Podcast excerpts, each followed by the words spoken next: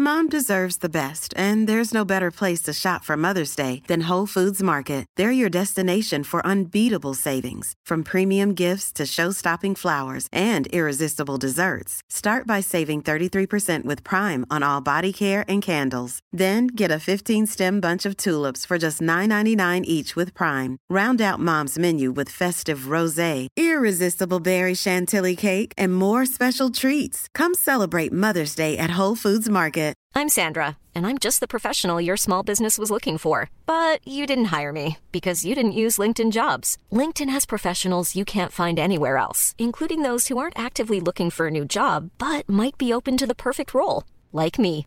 In a given month, over 70% of LinkedIn users don't visit other leading job sites. So if you're not looking on LinkedIn, you'll miss out on great candidates like Sandra. Start hiring professionals like a professional. Post your free job on linkedin.com/people slash people today. Podplay.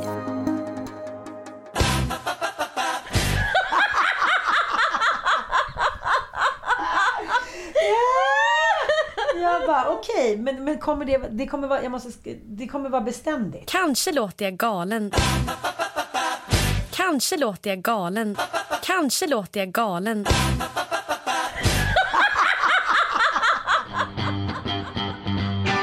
Du lyssnar på Lille Lördag med mig, Anita Clemens. Och mig, Ann Södlund. Och det här är ett nedsmetat avsnitt. Ja, det är ett nedsmetat avsnitt. Jag tänkte på en gång på när jag var tillsammans med en kille. Eller jag var, vi var inte riktigt ihop, vi dejtade kan man säga. Grejen var ju att han hade ju dejtat min kompis också. Eh, och det var ju lite så att hon sa så här, men du kan ta honom, jag bryr mig inte. Och jag var så här, ja men han är helt okej. Men jag bryr mig inte riktigt, du kan ha honom. Och så höll vi på sådär. Så det blev liksom en rätt så här kärlekslös lek på något konstigt sätt. Båda ville, men båda blev sårade ifall den andra gjorde. Och killen, han for ju som en, liksom en pingisboll mellan oss två. Och till sist så slutade det med att det blev ett jättedrama mellan oss och ingen fick röra killen. Det var liksom Bachelor före sin tid. Det var Bachelor före sin tid. Och jag tänker rätt mycket på hur urholkad hela relationen blev i, den där, liksom, i det där sammelsuriet av känslor. Men vi låtsades hela tiden som att glaset var rätt halvtomt. Men det var ju halvfullt exakt hela tiden. Och vi låtsades hela tiden som tvärtom. Och det är väl lite av vad den här podden kommer handla idag. Om liksom den kärlekslösa leken och liksom antagonisten uppe på läktaren. Precis. Det, det handlar ju om den här rädslan av att, här, att förlora någonting. Eh, Som, som, ni var ju rädda för att förlora den här killen redan innan ni hade vunnit någonting. Exakt! Och så är det ju även, tycker jag, i Bachelor. Det är, så här, eh, det är så intressant när de nya tjejerna kommer in i, i eh, avsnitt 19, tror jag, och säger så här. Men gud, vi kom dit och insåg att de här tjejerna var helt besatta av de här killarna. Och det är också att man är, det finns, det är ju en bubbla. Det är ju liksom en, en isolation som också gör att jag tror att man känner den här vad ska jag, gamla tidens biologiska känsla att så här, om jag inte fångar den här mannen, då hamnar jag på glasberget. Och faktiskt fucking bokstavligen kommer dö. Ja, Ja. Och så är det ju definitivt. Alltså, de är ju också helt frånkopplade världen. Så det är klart att så här, det är rätt lätt för en ny, vad ska jag kalla det för, civilisation att uppstå. Och där helt nya regler också uppstår. Vi kommer tillbaka till det lite senare i avsnittet. Men nu kör vi.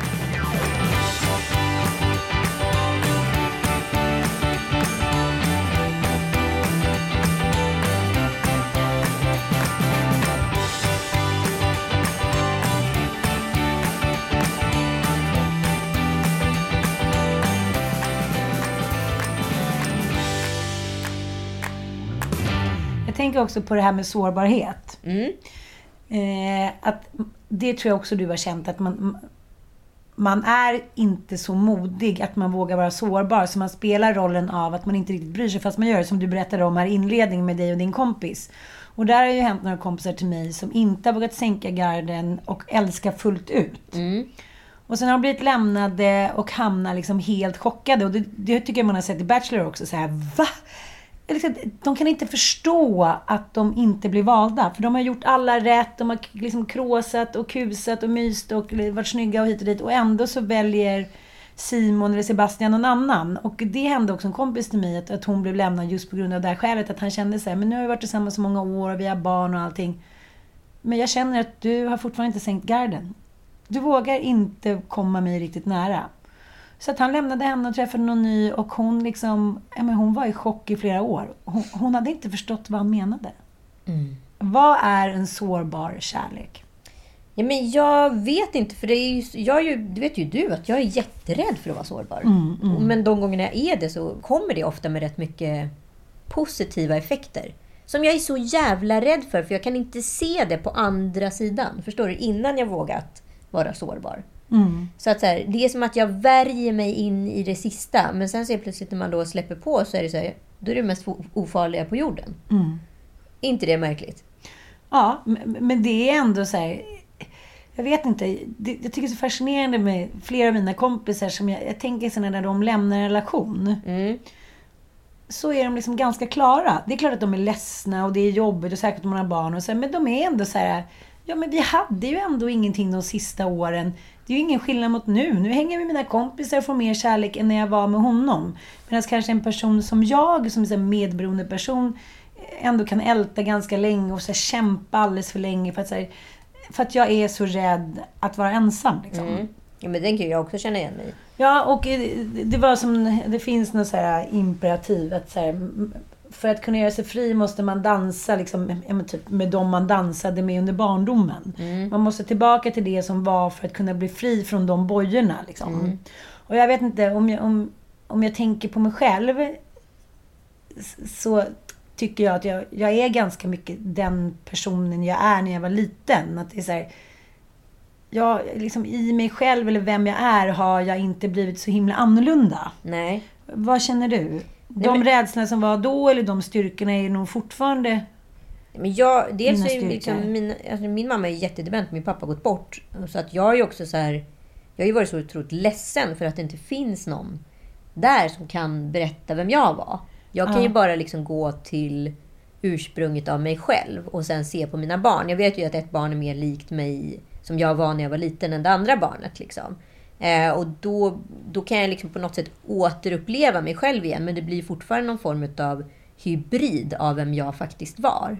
Eh, man kommer ju inte ihåg sin barndom helt fullt som vuxen. Jag kan vara så här, ibland dyker det upp så här fragment. Ja, men jag hade också rätt stora fötter när jag var liten. Alltså du vet, ja men det där gjorde jag också. Men man kommer ju inte ihåg, man kan ju inte säga så här, det här var jag. Det kan ju faktiskt bara en förälder göra.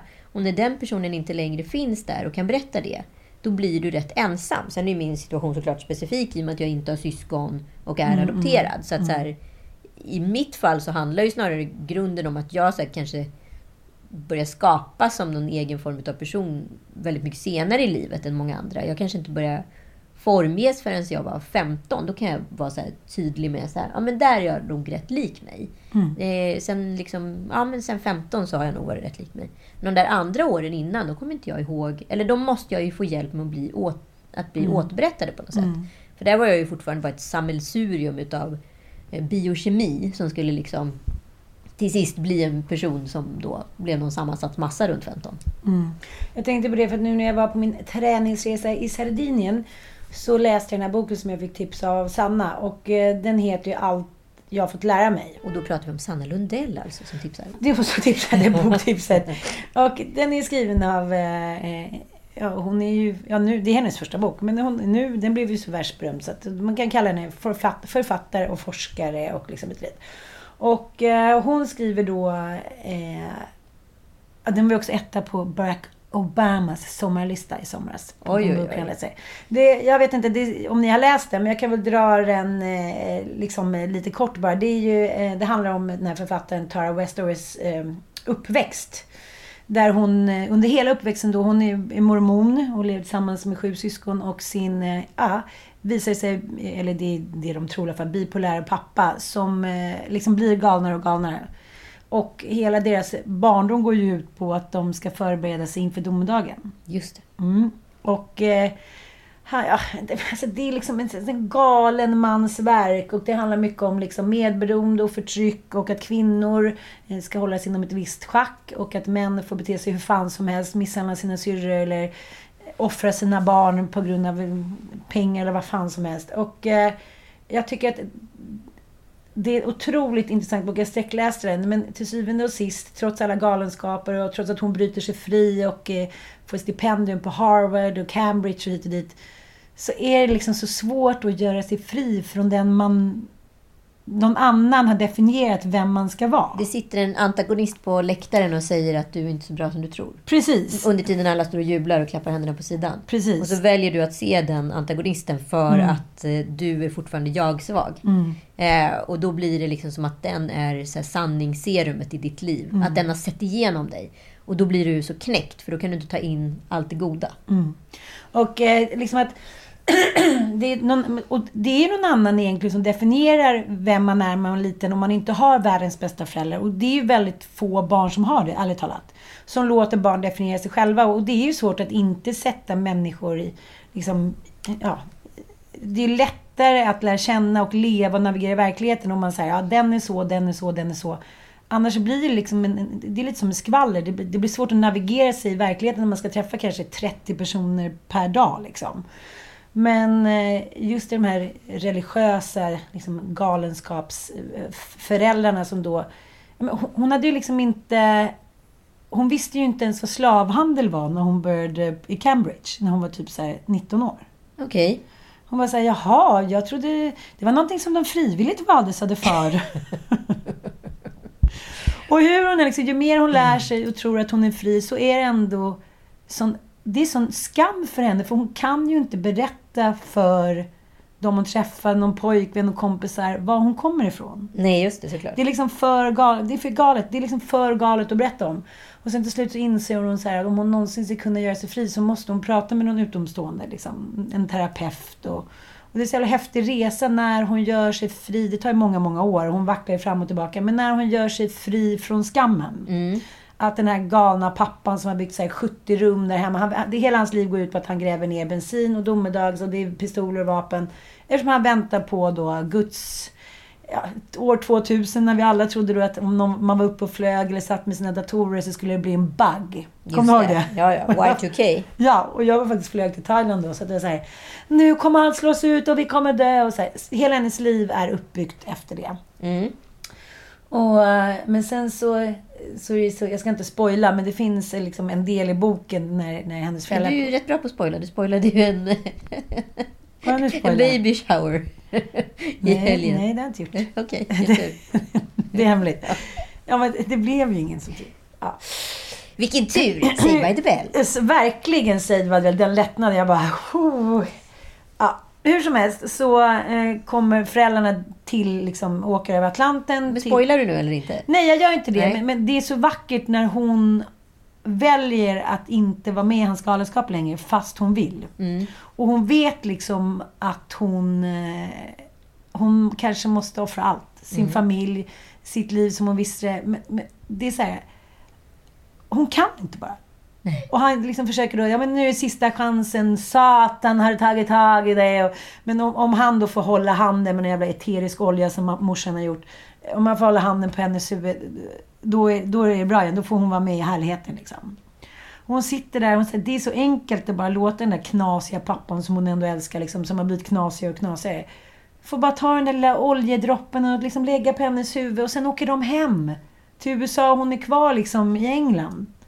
I Cambridge. Men, men hon bara säger det är som att hela kroppen så Och det där har man ju känt några gånger. Liksom, när man inte är kär i någon längre ska man ha sex. Man bara säger nej men det är som, it's like a fucking rape. Fast det är ju inte den andras fel. Nej. Men att kroppen säger ifrån.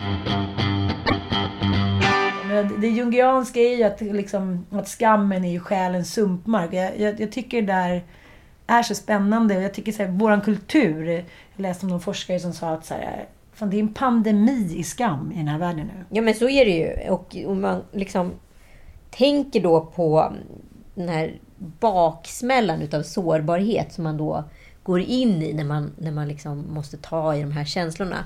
Då blir det ju rätt starkt. Jag tänkte på ja, men Erik Selin, ni vet, han kända fastighetsmagnaten som hade en relation med Isabella Löwengrip. Som då var tillsammans med Jenny.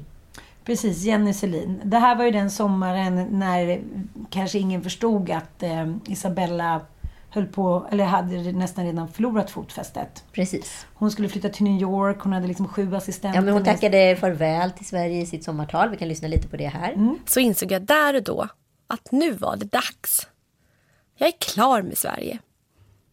Jag vill ha hela världen som min arbetsplats och tiden är rätt. Jag ska till USA, för om jag verkligen ska bli världens mäktigaste kvinna så måste jag lyckas där. Kanske låter jag galen som har den här målbilden. Här har ju faktiskt Isabella Löwengrip eh, drabbats av ett så kallat storhetsvansinne. Exakt. Mm. Det verkar ju drabba folk då och då. Jag jag såg nämligen på den här dokumentären på SVT om Johan Kamitz. Du vet han kända videoregissören som satt egentligen eh, var creative director för Diesel och gjorde Save Tonight. Okej. Ja men du vet, massa musikvideos och ja, reklamfilmer. Han förlorade också fotfästet under en period. Mm. Så det verkar hända väldigt uppvaktade personer. Ja, men, men det är ju inte konstigt för det finns ju bara ja-sägare när man är så där framgångsrik. Ja. Ja, eh, hur som helst, men, men jag kommer ihåg den Och här... likadant i bo.com-eran. Alltså, ja, ja, ja. Ja, och jag läste, lyssnade på podden faktiskt, kan jag tipsa om, om bo.com. Liksom, där då eh, journalisten Salka Hallström eh, jobbade som red- red- redaktör under en period. Och hon sa också att hon tyckte det var jävligt jobbigt i den här väldigt brittiska affärskulturen där, där allting också går ut på att slicka uppåt och säga, vara mycket väldigt ja-sägare. Och det, det som händer på andra sidan är att de som är högst upp fattar liksom inte att det är åt helvete. För att man skyddar, skyddar toppen istället för att så här, utsätter toppen för så här, hallå det här händer. Mm. Bo.com var ju en... en eh, Det var ju första techboomen. Ja, det var ju alltså tre ungdomskompisar. Jag har för mig att de pluggade i Lund. Ja, det var två eh, Lunda-studenter och sen så var det Patrik eh, Hagelin som numera är VD på i Equity. Eh, som drog igång där. Och Patrik kom från Finance och de andra två var två glada entreprenörer. Ja. Som hade både gjort hit och shit. Hon var, hade ju auran av adel och herrgård. Jag kommer ihåg att de köpte också en herrgård. Jag ser den framför mig. Ja, idag har hon en äppelodling. Ja. Nej, men de, liksom, de kom först och de var perfekta eh, pionjärer. De såg rätt ut, de hade rätt bakgrund och de kändes heta och spännande. Liksom. Mm, de var ju trots allt bara 28 år Ja, och får liksom Miljarder över miljarder i liksom riskkapital. Tills proppen går ur bolaget. Mm. Och Och vi ser ju samma sak idag i flera techbolag. Att eh, det är exakt samma sak. Folk kastar pengar på folk Mm. utan att det finns täckning eller ens en idé. Mer än nedklottrat på typ en servett. Det som hände med Isabella Löwengrip, att hon hade ju skapat en demonisk bild av sig själv. Mm. Som hon inte längre kunde leva upp till, eller orkade leva upp till, eller ville leva upp till. Nej, men tror du, tror du liksom att det var kärlek mellan henne och Erik? Eller var det liksom en kärlekslös kärlek? Förstår du vad jag menar? Idén om kärlek, idébilden av det. Jag tror att han gick igång på alla cylindrar.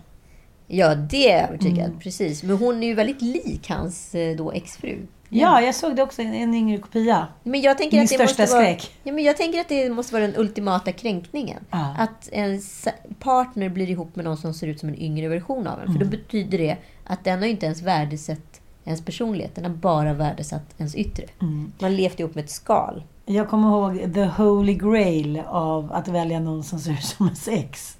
Vadå? Eh, du vet eh, sångerskan Dilba Demirbag. Ja. Vi kan lyssna lite på hennes största hit. But I'm sorry, this illusion has caused you a lot of pain, and I have no solution. I'll try to never be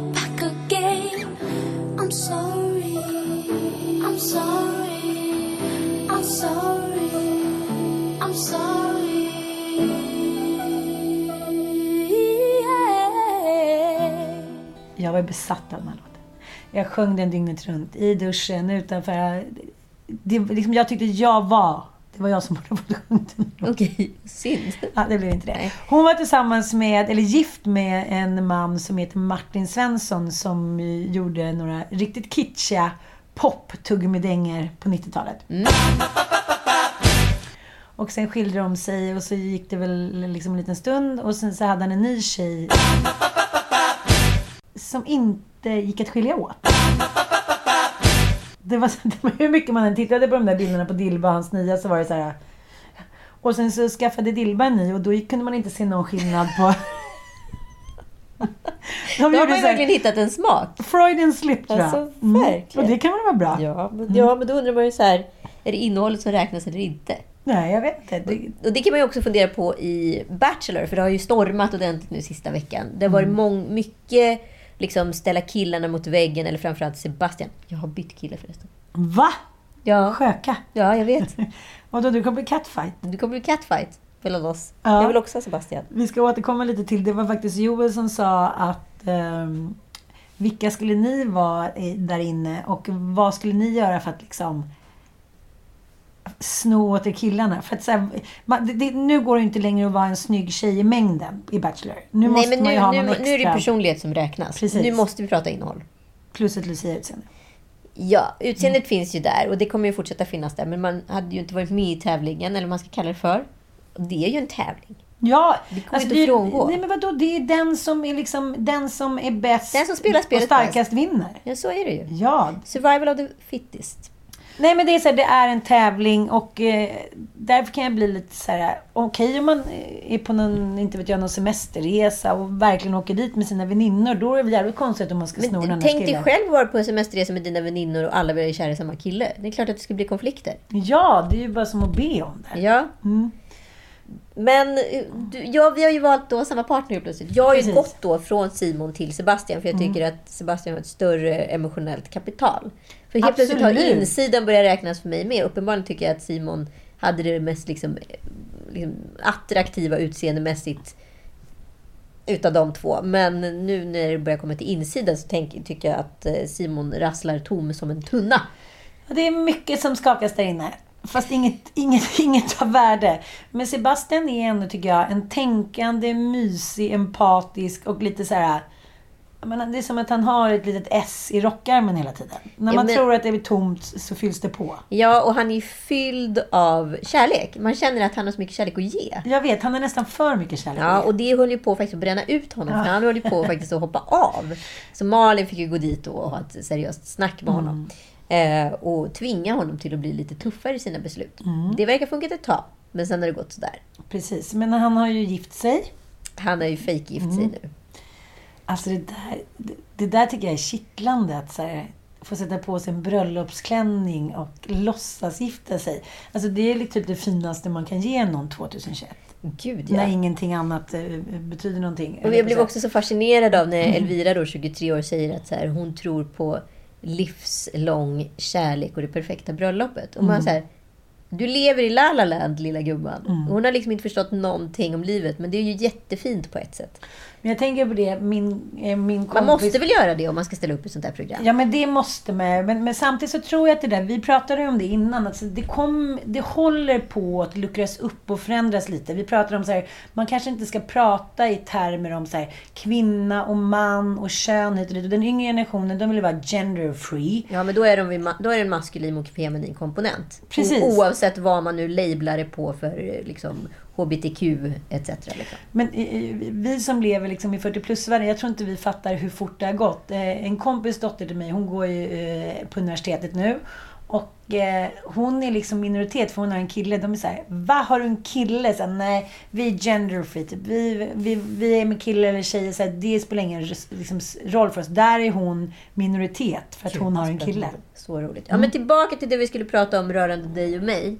Eh, hur hade vi utmanat killarna nu när det börjar handla om liksom insidan och inte utsidan? För utsidan är vi redan körda, det vet vi. Vi hade helt Vi hade helt glömt bort det. Både du och jag blir lika chockade. Vadå, vill inte, vill inte en 26-årig kille ha en 50-årig Tantalora som har fått fem barn? Nej, det var- det var helt korkad. Självbild, sårbar, nej, modig. Nej, men, Galen, ja. Ja, men jag tänker så här, att det är svårt eftersom det är en tävling och man vet att så här, det handlar så jävla mycket om kemi så måste man ju sticka ut. Ja, men precis. Men ska man då... För jag tänker att en strategi det är att bara försöka läsa av killen och egentligen försöka träffa hans punkter i det här. Eller handlar det om att så här, skapa ett ömsesidigt likande, det vill säga att vi känner samma saker om samma saker. Vad kommer sticka ut mest? För det är ju ändå ett extremt kurtiserande. Vet du vad vi borde ha gjort Nej, när vi är med? nej. Vi borde göra en... eh, Det finns ju en, väldigt eh, känd skådespelare och manusförfattare i Sverige som blev väldigt, väldigt kär i en kille och tänkte så här... Fuck, he's over my League. Så henne, hon och hennes syrra, de kartlade honom. Nej. Alltså totalt. De är väldigt smarta båda två. Så det var inget så här halvdant jobb. Utan det var så här. Okej, vad gillar han för musik? Vad har han haft för tjejer innan? Vad gillar han för mat? Bla, bla. Och sen skrev de till sitt verk. Och visste då allt om hans svaga punkter. Man säger vad han gillar för typ, vad han gillar för mat, vad han gillar för artister, bla, bla, bla. Det kanske vi hade gjort. Vi Det kanske hade vi gjort, en, gjort. en jäkla research. Ja, men jag hade gjort, jag gjort en research. Fast grejen är så här. Jag dejtade en fotbollskille och så skulle jag då låtsas kunna allt om fotboll. För det trodde jag. Det var han ville, han ville ha. det är väl han Glenn Hysén? Mycket yngre än så. Nej, men då tänkte jag så här. Han vill ju åtminstone att man ska ha koll på läget. Ja, jag, jag ja, men jag var rätt ung och övertolkade s- scenariot och tänkte på samma sak. Jag ska, jag ska måla upp en slugplan. Jag vet vad nu. Det här är också lite pre-sociala medier. Så man fick ju liksom eh, då genom vänner försöka förhöra sig och liksom skapa någon form av bild utav vad han... Han gillar musik, jaha, han gillar det här, han gillar den här maten. Här hänger han ofta, okej, ha koll på området. Och sen så, så här, han spelar fotboll, ja, men du kanske ska ha koll på åtminstone var de ligger i Allsvenskan. Ja, okej, whatever. Han var ju, tyckte att det var... Han tyckte det sög rätt hårt. Att jag brydde mig så mycket om fotboll. Han bara, men det är lite som när jag börjar måste gråta för att Mattias ska spela tennis som mig. För att han är så här, men varför ska liksom... Du gör det med mina tjejkompisar, jag gör det med mina killkompisar. Varför ska vi spela ihop? Jag är så här, Jessica Wahlgrens kille spelar paddel med henne. Uh, uh. Det vi skulle komma fram till är så ja men okej, om det är vår strategi så tror jag att vi kommer förlora på det. Tror du? Ja, jag tror det. Men mitt problem, när jag ser tillbaka på alla män För vi glömmer som hela har tiden bort tagit att på det finns en mot... Alltså att finns, vi är en sändare, men det finns ju också en mottagare. Och det glömmer ju de här tjejerna bort rätt ofta, för de tror ju utifrån det, den teorin jag hade tidigare, utifrån någon form av ny Tinder-verklighet, att det räcker att sända och räcker att välja. Att det inte ska finnas en mottagare som ska uppleva något på andra sidan. För de blir så chockade, de här som åker ut, så att de förstår ju absolut ingenting hur de kan bli bortvalda. Jag har ju kört mycket efter the game-metoden, att jag har spelat svår, försvunnit. Jag ska iväg på en inspelning för att se om jag kan höra av mig. Så, Ja, men det verkar ju inte riktigt funka. Nej men det funkar inte. Dels för att du har för kort tid på dig och dels för att säga jaha men om hon, inte, om hon ska spela svår så här, Varför ska jag skit i henne runt då. och uppvakta henne när det är 3000 andra tjejer som bara kastar sig Nej, nej, som det, en det finns, rockstjärna? Liksom. smörgåsbordet är liksom, det finns för många ingredienser på smörgåsbordet. Då tar man köttbullen istället för sillen. Men det här nya då? Att det liksom ska vara någon form av så här rättviseförmedling? Att de har liksom förvandlats till ett gäng panelhönor där man ska få varannan dans? Ja, Vad säger vi om det? Det är ju Emelies då påfund. ja, jag vet. Men, men tyvärr Emily, det, liksom, det kommer inte funka. Det här är fel tillfälle. Det är så här, om du ändå är med där, och då får du vara med på liksom de givna spelreglerna i krig och kärlek. Och det är så här, slåss till sista droppen. Men hon är rätt stark och hon har ju Mm. liksom rätt mycket makt över många tjejer i den här gruppen. Så att det är Mm. många som då har helt plötsligt så här, tänkt så här, ja men det här är nog smart. Men egentligen är det ju Emily som är smart och outsmartar dem. Eller? Ja, jag vet inte. Men jag har kommit på en ny taktik. Mhm. Att jag skulle vara lite mer såhär the girl next door. När alla kommer med så här klänningar och uppsminkade med rosa läppglans så skulle jag så här köra jeans och en vit skjorta Ja, då sticker man ju ut. Ja. Mm. Det är Kör en smart. Jennifer Aniston. Det är smart. Tack, tack, Men tack. jag tänker ändå att det blir liksom en rätt så kärlekslös lek det här. För helt plötsligt är de i det där gränslandet som jag var med den här rättviseförmedlingen med mig och min tjejkompis som skulle Mm. då Nej jag bryr mig inte, nej men jag bryr mig inte, nej men jag bryr mig inte, nej men... nej." Och så blir det ingenting. Mm. För, så här, vad, för du är ju så jävla rädd för att vara sårbar. Och du hade ju någon teori här om eh, Brené Browns eh, gamla eh, TED-talk. Precis. Eh, Brené Browns gamla TED-talk eh, handlar ju om att hon pratar, vad är de? Är de 20 minuter om det här Ja. TED-talk? 15-20 minuter. Eh, hon är en amerikansk forskare som hade forskat, då hade hon kanske forskat 7-8 år om, eh, om liksom vikten av att vå- våga vara sårbar. Eftersom det handlar då om att släppa skammen.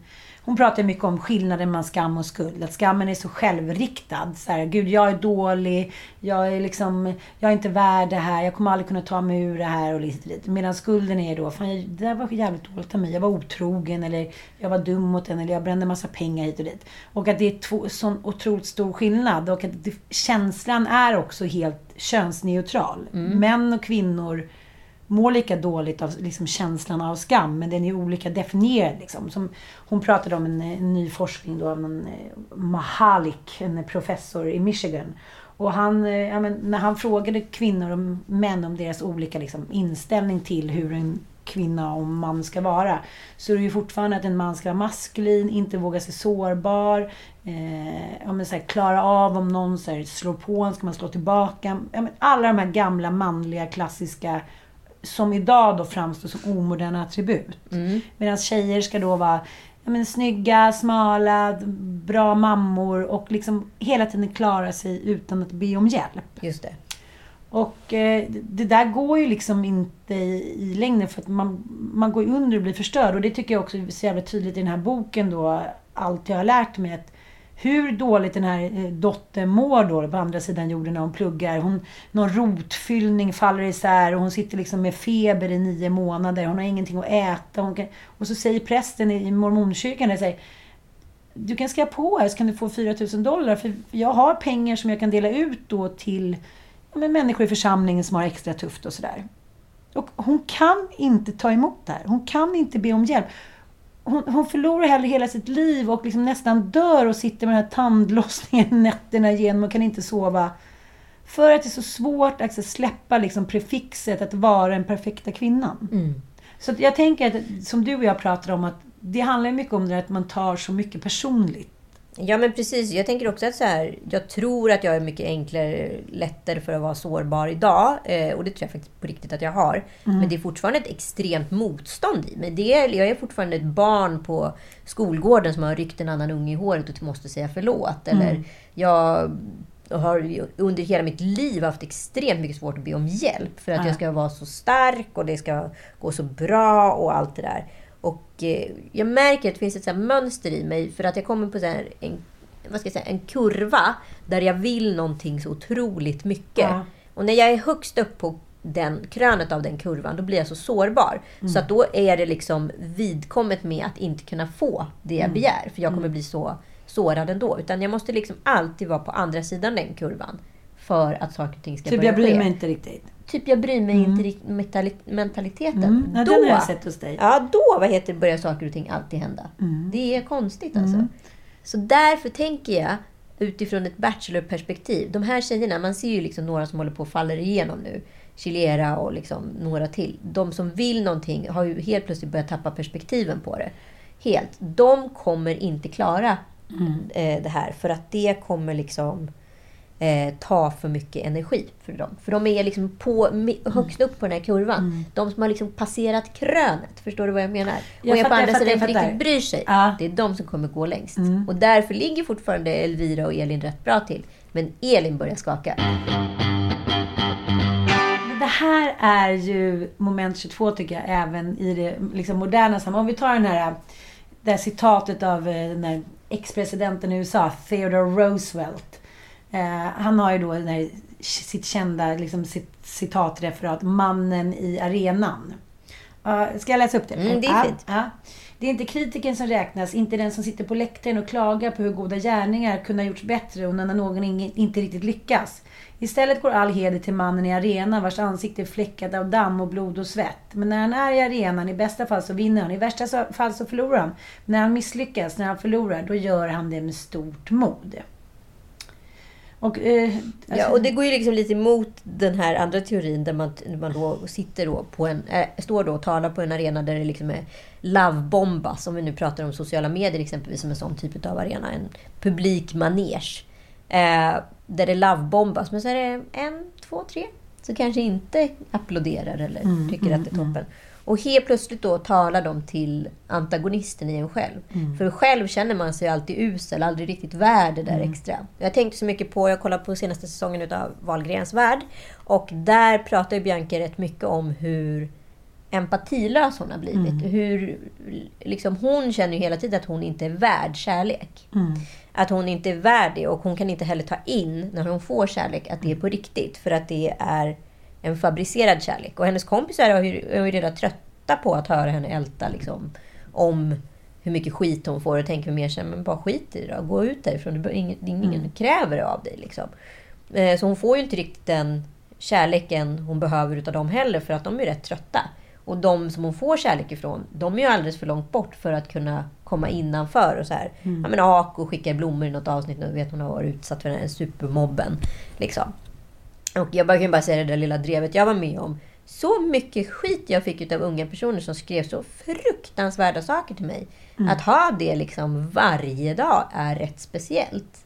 Eh, och det var ju en komisk grej i helgen så skickade en person bara så här. Eh, den kommer ditt porslin, kan man köpa det någonstans? Och då skickade de eh, den gamla kollektionen som heter Stories from the Sea. Och sa ja, den kommer alldeles strax i en webbshop, håll utkik. Alltså, vilket kommer launchas inom ja, 5-10 dagar. Liksom. Eh, ja, för jag tycker inte det nya är så himla fint. Och det var så här. Okej, ja, då tack för informationen. Du hade kunnat stannat liksom, meningen innan. Mm. Bara tips sådär. Ja, men jag tycker det är viktigt att vara ärlig. Och bara så här, ja men... Av vilka skäl? Vilken orsak känner du att du måste vara ärlig just med det? Det hade ju som sagt gått bra att stanna liksom meningen innan. Ja, förlåt jag Asperger. Ja, okej, men jag skiter faktiskt i din Asperger om jag ska vara lika ärlig som dig. Utan du kunde bara stannat meningen innan. Ha en fortsatt fin helg. Eh, och det här är ju det, nu tänker jag allt mer och mer, att människan kanske faktiskt är sitt sanna jag i sociala medier och är ett spelat jag i RL. Så vilket jag är viktigast? För om Bianca nu helt plötsligt känner att så här... Alltså det förstår, blir snedvridet. Man får så mycket hat så börjar man ju liksom tro på hatet. Ja, och då, det är som det... Men, Det är ju som att människor, inte- i och med att de är filterlösa, i verkligheten är du ju filterfull. Men jag tänker så här att när man... Jag tror att det hände när min mamma hade varit sjuk i så många år och sen gick bort. Och min pappa liksom började kröka och min syrra var mitt uppe i sin familj. Jag kände mig så här... Som att jag hade gått från typ... Det hade jag inte, men i min värld hade jag gått från så här, lilla huset på prärien och barnen i Bullerbyn till så här, barnen på Frostofjället och typ misären i London Street. Och, nej men liksom, ja men du vet, Fin film ändå. London Street. Okay. London Street. Nej men så- sen var jag på, jag var ju chefredaktör för någon tidning och jag levde liksom på pappret ett roligt liv. Men jag kände så här, jag levde, jag hade ingen kärlek till mig själv. Nej. Och jag fick, det fylldes inte på av de som viktigast i mitt liv, av min familj. Så det blev liksom kärlekslöst. Alltså jag blev så otroligt ensam. Jag blev så här filterlös men också isolerad. Och jag kommer ihåg att det var så konstigt. Och, nu, och det här återkommer till mig som ett upprepande mönster. Att de som jag behövde som mest var de som jag sköt ifrån mig. För de var också de som var ärliga, de var ändå de som ställde krav, de som undrade hur det var. Alltså, jag var ju liksom en, en spillra. Jag jobbade dygnet runt, vägde typ 50 kilo, hade tappat hår, tappade rösten.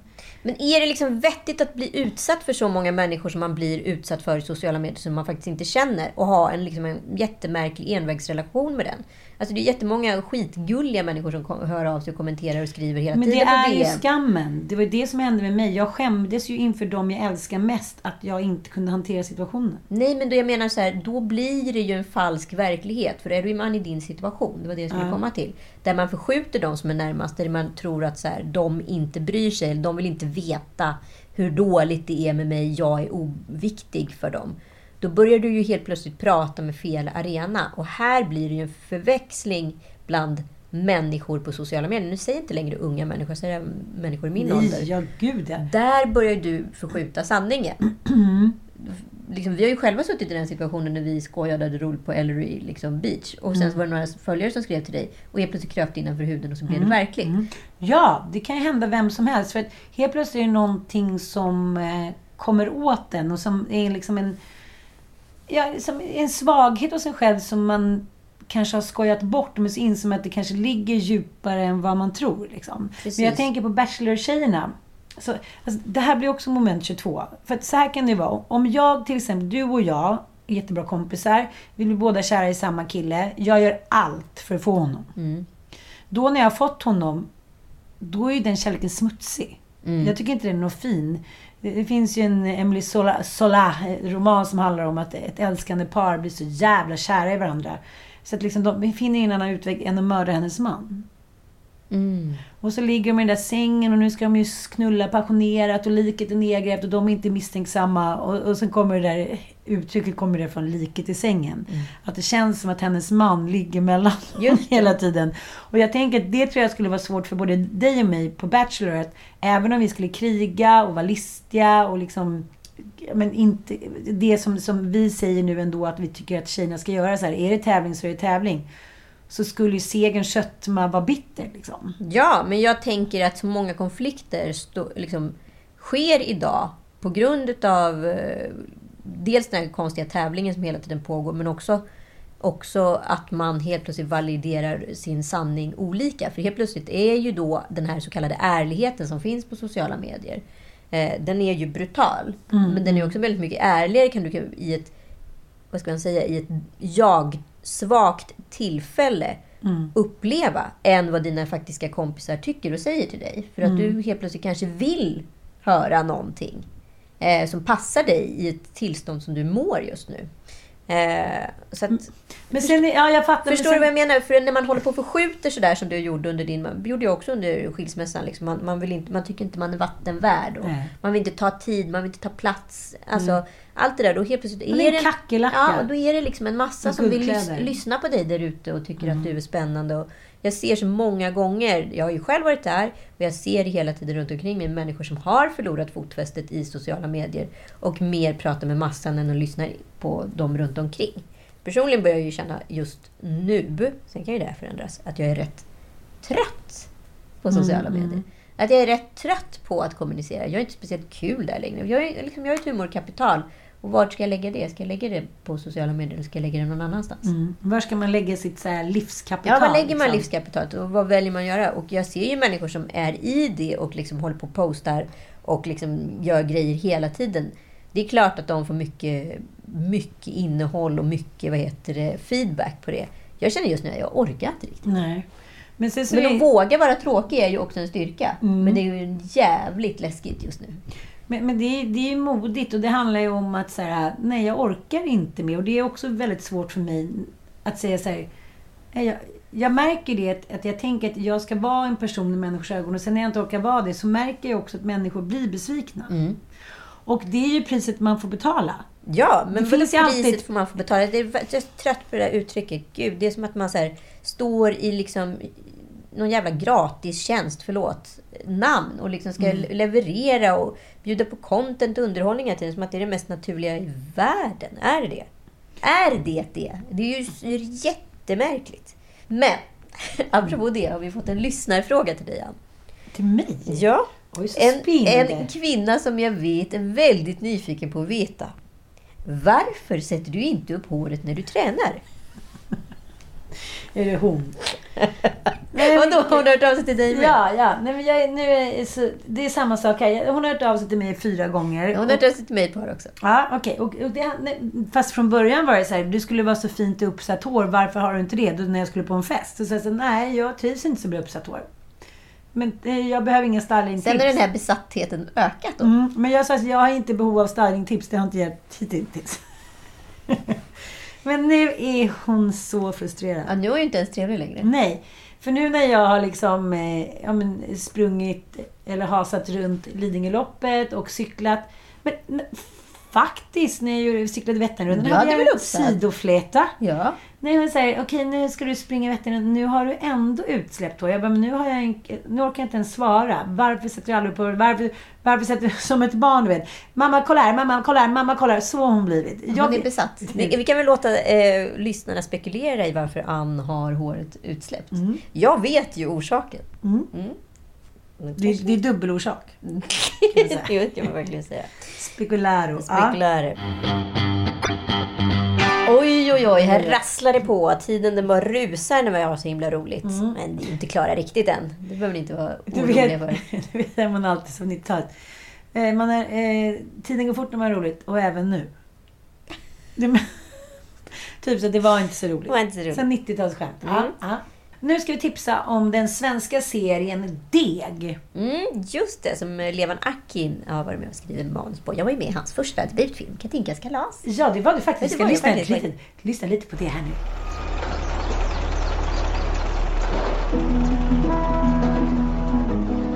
Katinka, du är bäst av alla. Jag tror inte man kan applicera bäst av alla på konstvärlden. För mig är det bäst i alla fall. Det är som den där på Moderna med bara blå konst. Vad fan var det om? Det är som att bunta ihop judar i ett koncentrationsläger. David.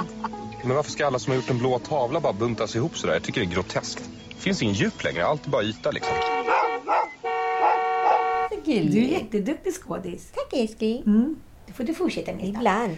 Ja, hur som helst så handlar den här serien om Malou Sanders. Eller Malou Sanders. Det är Helena af Sandeberg. Hon är en Lidingö, Lidingö-kvinna med hög svansföring. Eh, som vi pratar om. Både bland sina vänner är hon liksom lite middle of the center och även på sociala medier. Precis, och det hon inte har berättat då för sina väninnor och publik det är att Kronofogden är ute efter henne. Det är ju utmätningsparty som ska pågå alldeles strax.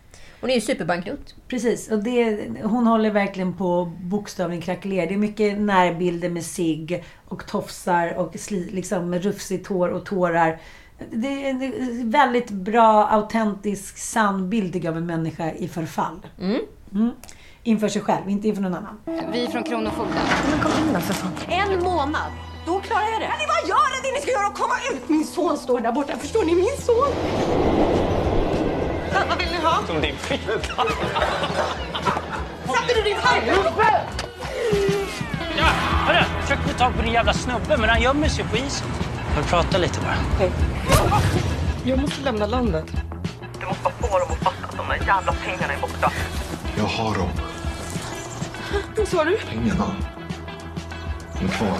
Och så är Bianca Kronlöf som spelar eh, en ensamstående mamma som är ihop med en eh, bankrånare som sitter i fängelse. Ja, de är väl inte ihop, eller ja, Ja. oklart. Ja, Det är slut i alla fall på grund av att han är i fängelse, men hon är ju hans bojor, så kan man väl säga. Precis. Eh, hon heter då Liana Järvinen. Och eh, hon snattar och liksom sitter hemma ganska mycket och eh, försöker hanka sig fram med sin gulliga lilla dotter Heaven. Mm. Ganska socialrealistiska liksom, scener. Det är ganska ovanligt. Ja, men jag tycker också att det är så roligt och bra stylat, för man tror ju på dem. De är ju verkliga, de här karaktärerna. De finns ju. Precis, och eh, förutom den då underfundiga titeln Deg så är det ju så att eh, ja, deras vägar korsas då på ett sätt. Men Helena Sandberg får då hittar, när hon sitter och ska meditera ute i skogen, så ser hon ett snöre och hittar då 47 miljoner kronor. Mm. Och kan nu direkt gå tillbaka till sin höga svansföring och... eh, Det var också roligt att Swady, den nya komedin, filmen utav eh, vad heter hon? Claudia Conchagalli och Mm. eh, Manuel Concha, att ja, själva den här väskan med pengarna hittades på exakt samma sätt. Det måste ju alltså skett på olika Jag vet, jag vet. planhalvor. men- Ja, märkligt. Ja. Men eh, ja, hur som helst så... eh, Det är så roligt också när han hela tiden säger Tar ni cash förresten? Tar ni... det är ju inte så många som gör Nej. det längre. Ja, eh, ja, men det är en ganska snurrad komedi och... Eh, Mycket sevärd. Finns på SVT. Precis. Väldigt rolig. Eh, Jag tycker om hela premissen hur de byggt ihop de här två kvinnornas Mm. världar. Och hur de indirekt då till slut börjar avslöjas för varandra. båda jag tycker jag är jävligt bra Jättebra. Och min gamla favorit Johan Hedenborg från Lackalänga Ja. Alltså. Han spelade ju också en ond jävel i, var det Rederiet han var med i? Ja, det var det. Ja. Men nu är han eh, farsan då till eh, Biancas ja, kille eller vad det är som sitter i finkan. Han är gullig. Mycket gullig. Mm. Ja, ni, nästan alla avsnitt finns ute nu på SVT Play, så kolla är vårt tips. Jag bad ju er lyssnare komma in med era dilemman till oss och nu, de ska vi nu hugga tänderna i. Det var ju väldigt många frågor här som blev riktade till oss. Jag att de kanske missförstod det här, men vissa, Ja. det är lite olika tolkningar. Okej, ja, men nu kommit in lite olika frågor här, så vi går igenom lite olika. Det här var ju så rafflande. En person här som eh, påstår sig vara då lesbisk i en heterosexuell relation med ett gemensamt barn, men uppenbarligen trivs i det. Mm, hur ska man agera? Eh, jag har en kompis som hamnade där. Nej. Mm. Så var det. Och så var det slut. Nej, nej, nej. nej, nej men hon, hon, levde, eh, hon levde i en heterosexuell relation som tog slut. Eh, Ja, men så här, har alltid varit ihop med killar och sen så blev hon liksom dunderkär i en tjej. Oh my god. Ja. Och det var bra, de gifte sig. De Hur kan man, hur kan man liksom bara få tryckt bort det? Jag fattar inte. Men ja, skitsamma. Whatever. Men Det är väl inget konstigt? Nej, men jag bara så väntar på att jag ska gå och bli kär i en tjej, så blir jag aldrig det. Nej, men det är kanske för att du går och väntar. Ja, ah, jag måste vara på andra Mm. sidan kurvan. Ah. Ja, men jag tror verkligen på det där att man blir kär i en människa. Är det rätt tillfälle och man känner sig liksom, vad fan, livet är kort, eh, let's go. Då tror jag så här, då, kan, då är det nog 50-50 vem man blir kär i. Ja, det kanske är så. Mm. Hur som helst, de blev kära och eh, gifte sig och skaffade två barn. Och sen så började min kompis känna så här, åh, vad jag längtar efter korv. Nej. Mm. Och det där att få känna sig lite liten. Ja, vi och gå tillbaka till gamla jävla kriterier och liksom mans... Men är man verkligen... Ja, men, ja för jag tänker ändå, du- guldflator är ju guldflator. De- Guldflata alltså- eh, skulle jag ju gå på dejt med, du vet. Ja, Mm, men guldflata är alltså någon som inte har legat med någon kille, kanske inte alla vet. Precis. Det kanske vi bara ska... Men, men då kanske det är svårare om man är guld... Eller det kanske är en, en, det kanske man blir ännu mer frestad. Men, men det som hände var att hon kunde liksom inte hålla tillbaka sin längtan efter killar. Så hon var lite otrogen faktiskt. Mm. Eh, det var ju inte mitt tips, obs. Men, men eh, ja, det slutade med att hon kände så här, gud det där var nog kanske bara en revolt eller ett liksom, spännande experiment. Jag är verkligen heterosexuell. Så För det är ju många som, ja, det är många som gör den där lilla liksom, äventyret till den andra sidan och sen kommer tillbaka. Mm. Och det är faktiskt bra för man är dubbelt så många. Ja, men jag har ju levt med en del män som har liksom haft manliga relationer innan mig. Eh, Och, nej, men det, om jag ska vara riktigt ärlig så har jag inte stört mig alls. Men de har väl också stått för det? De har inte känt någon skam för det? Nej, men- 100 procent inte. Det var värre men liksom. vad fan, varenda kille har väl någon liten liksom, homosexuell erfarenhet. Herregud, tror du inte det? Ja, nej, men jag, jag, jag tror att det spelar ingen roll om det, om det är en heterosexuell relation eller homosexuell relation eller vad det är. När man känner att det inte är rätt, då är det ju inte rätt. Då finns det inte så mycket mer att så här, kämpa på med. Och jag, jag tänker att jag ska gå tänka mer så att det var fint. Lite som den där låten. Starkare. Ja, men hon är ju lesbisk i en heterosexuell relation. Ska hon liksom gå över till eh, andra sidan? Ja! Men det kan ju bli, komma med konsekvens. Ja, men då får du göra det. Man måste vågar hon leva autentiskt utan skam. 100 procent. Men ska Mm. hon säga det kanske till sin man? Eller kommer det förgöra förhållandet? Eller kommer han acceptera det? Det här Jag är så tänk- spännande. En, en kompis till mig eh, eh, skrev faktiskt på um, Karin och Issas podd när de pratade om... Ja, de, pratar om... Eh, jag tror att de pratade om någon som hade blivit liksom... Ja, blivit... En hemlighet liksom. Och då skrev den här tjejen som jag känner lite...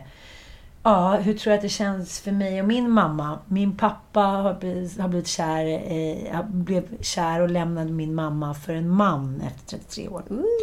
Och hon kände sig så liksom, de kände sig så förda bakom ljuset. Och det var så här, det är så här, man, till slut så kan man inte leva i en lögn längre. Nej, man måste vara den man är och släppa skammen och bli lycklig. Så det är så här, Det kommer sippra hur som helst. ja, du får säga som det är och liksom... Försöka få honom att acceptera. Det är inte lätt. Nej, för jag tänker, du kan ju kolla på Brokeback Mountain. När Michelle... eh, Det kanske inte är den bästa referensen. Det kanske, Nej, men jag, kanske man blir jag, livrädd. jag tänker på den kanske en gång i månaden. När Michelle Williams då ska ha sex, som ändå var hennes dåvarande man också, vilket är Heath Ledger. Ledger.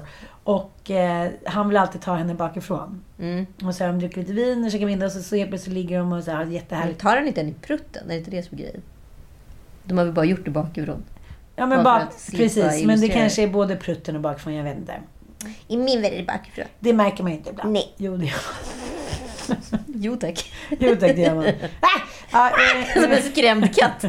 Oj, den hamnade fel. Eh, hur som helst, så precis när hon tror att han ska stöta in henne när de har ett förspel, så vänder han på henne. Mm.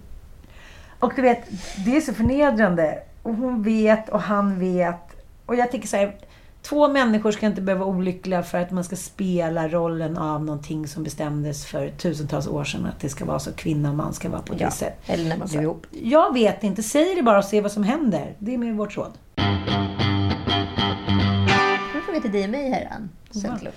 Det nya. Byta man eller byta barn med varandra.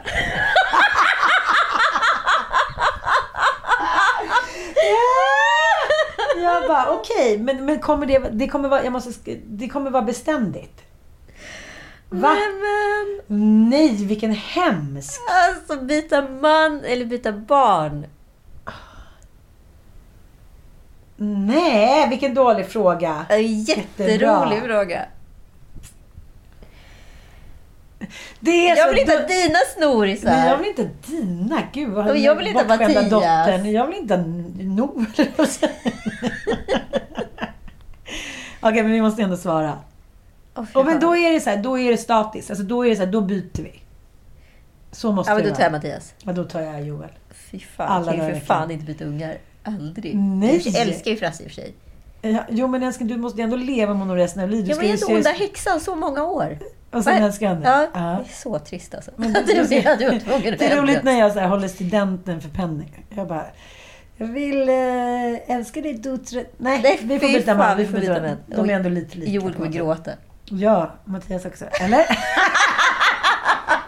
Joel, eh, du, lite jobbig grej, men jag har bytt bort dig mot Mattias. Du ska från och med nu bli ihop med Ann. Nej. Va? Nej. Du vägrar? Ja. Varför? Men varför? Vet, vadå? Tom Anna säger också va? Du kommer ju jättebra. Vi är fem grabbar där borta. Ossian är väl i Costa Rica? Jag följer med Joel. Ja, fan. Jag måste, jag måste, Okej, gå, den här vänta, jag måste, jag måste gå och eh, kissa, bajsa och duscha efter den här frågan. Så att vi får ta en liten jingel. Nu är vi tillbaka och hämtat oss från chocken utav otroligt rolig fråga. Mm, nu har vi fått en annan fråga här. Din bästa kompis bjuder in till 40-årsfest. Ett tag senare kommer syskonens inbjudan till deras fest. Båda är liksom hög svansföring. Vad, och den, den ena 40 40-årsfesten som jag förstod det är riktigt glammig och det är även syskonens tillställning. Så det är liksom välja mellan bra och bra. Men blod är alltid tjockare än vatten. Du vet, min syrra skulle aldrig mer prata med mig om jag valde bort den för en kompis. Nej, det går ju Nej. nästan inte.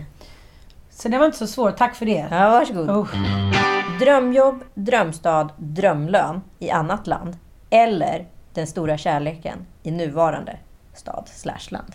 Med facit i hand eh, väljer Stick jag alternativ utomlands. ett. Stick Mm. utomlands. För jag hade ju det här alternativet. Eh, flytta utomlands, plugga med mina bästa kompisar, ha roligt, men stannade hemma och skaffade barn. Mm. Och det hade jag ju aldrig gjort idag. Så är det. Du då? Det. Nej, alltså jag hade ju... Jag fattar inte. Jag hade också så här möjligheten att sticka till New York och plugga manus för liksom 15 år sedan.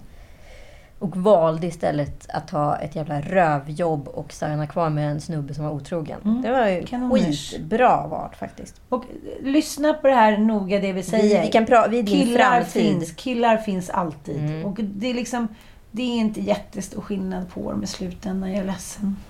Nej. Endast leva med mannen ni har i fem år till. Eller inte träffa honom på fem år. Och sen bli ihop.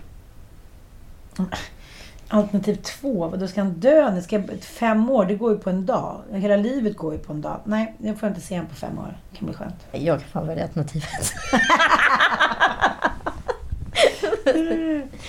Eh, ja, nej men det var väl det den här veckan helt Mm. enkelt. Och eh, ni som vill se då eh, Brené Browns sårbarhetsföreläsning. Det, hon har gjort två. Hon har också skrivit flera böcker. De är, hon har ju mjölkat kossan ur eh, stian, på att säga, och fortsatt på det här ämnet. Men jag tycker hennes första föreläsning är jävligt spännande. För hon berättar om att hon själv forskar kring det här och sen så bryter hon ihop bara på grund av att hon inte klarar av att vara sårbar. Ja. Mycket spännande. Men du, nu är det dags att avrunda. Tack för att ni har lyssnat. Ja, vi hade kul. Hoppas ni också hade det. Kram, kram. Puss och kram.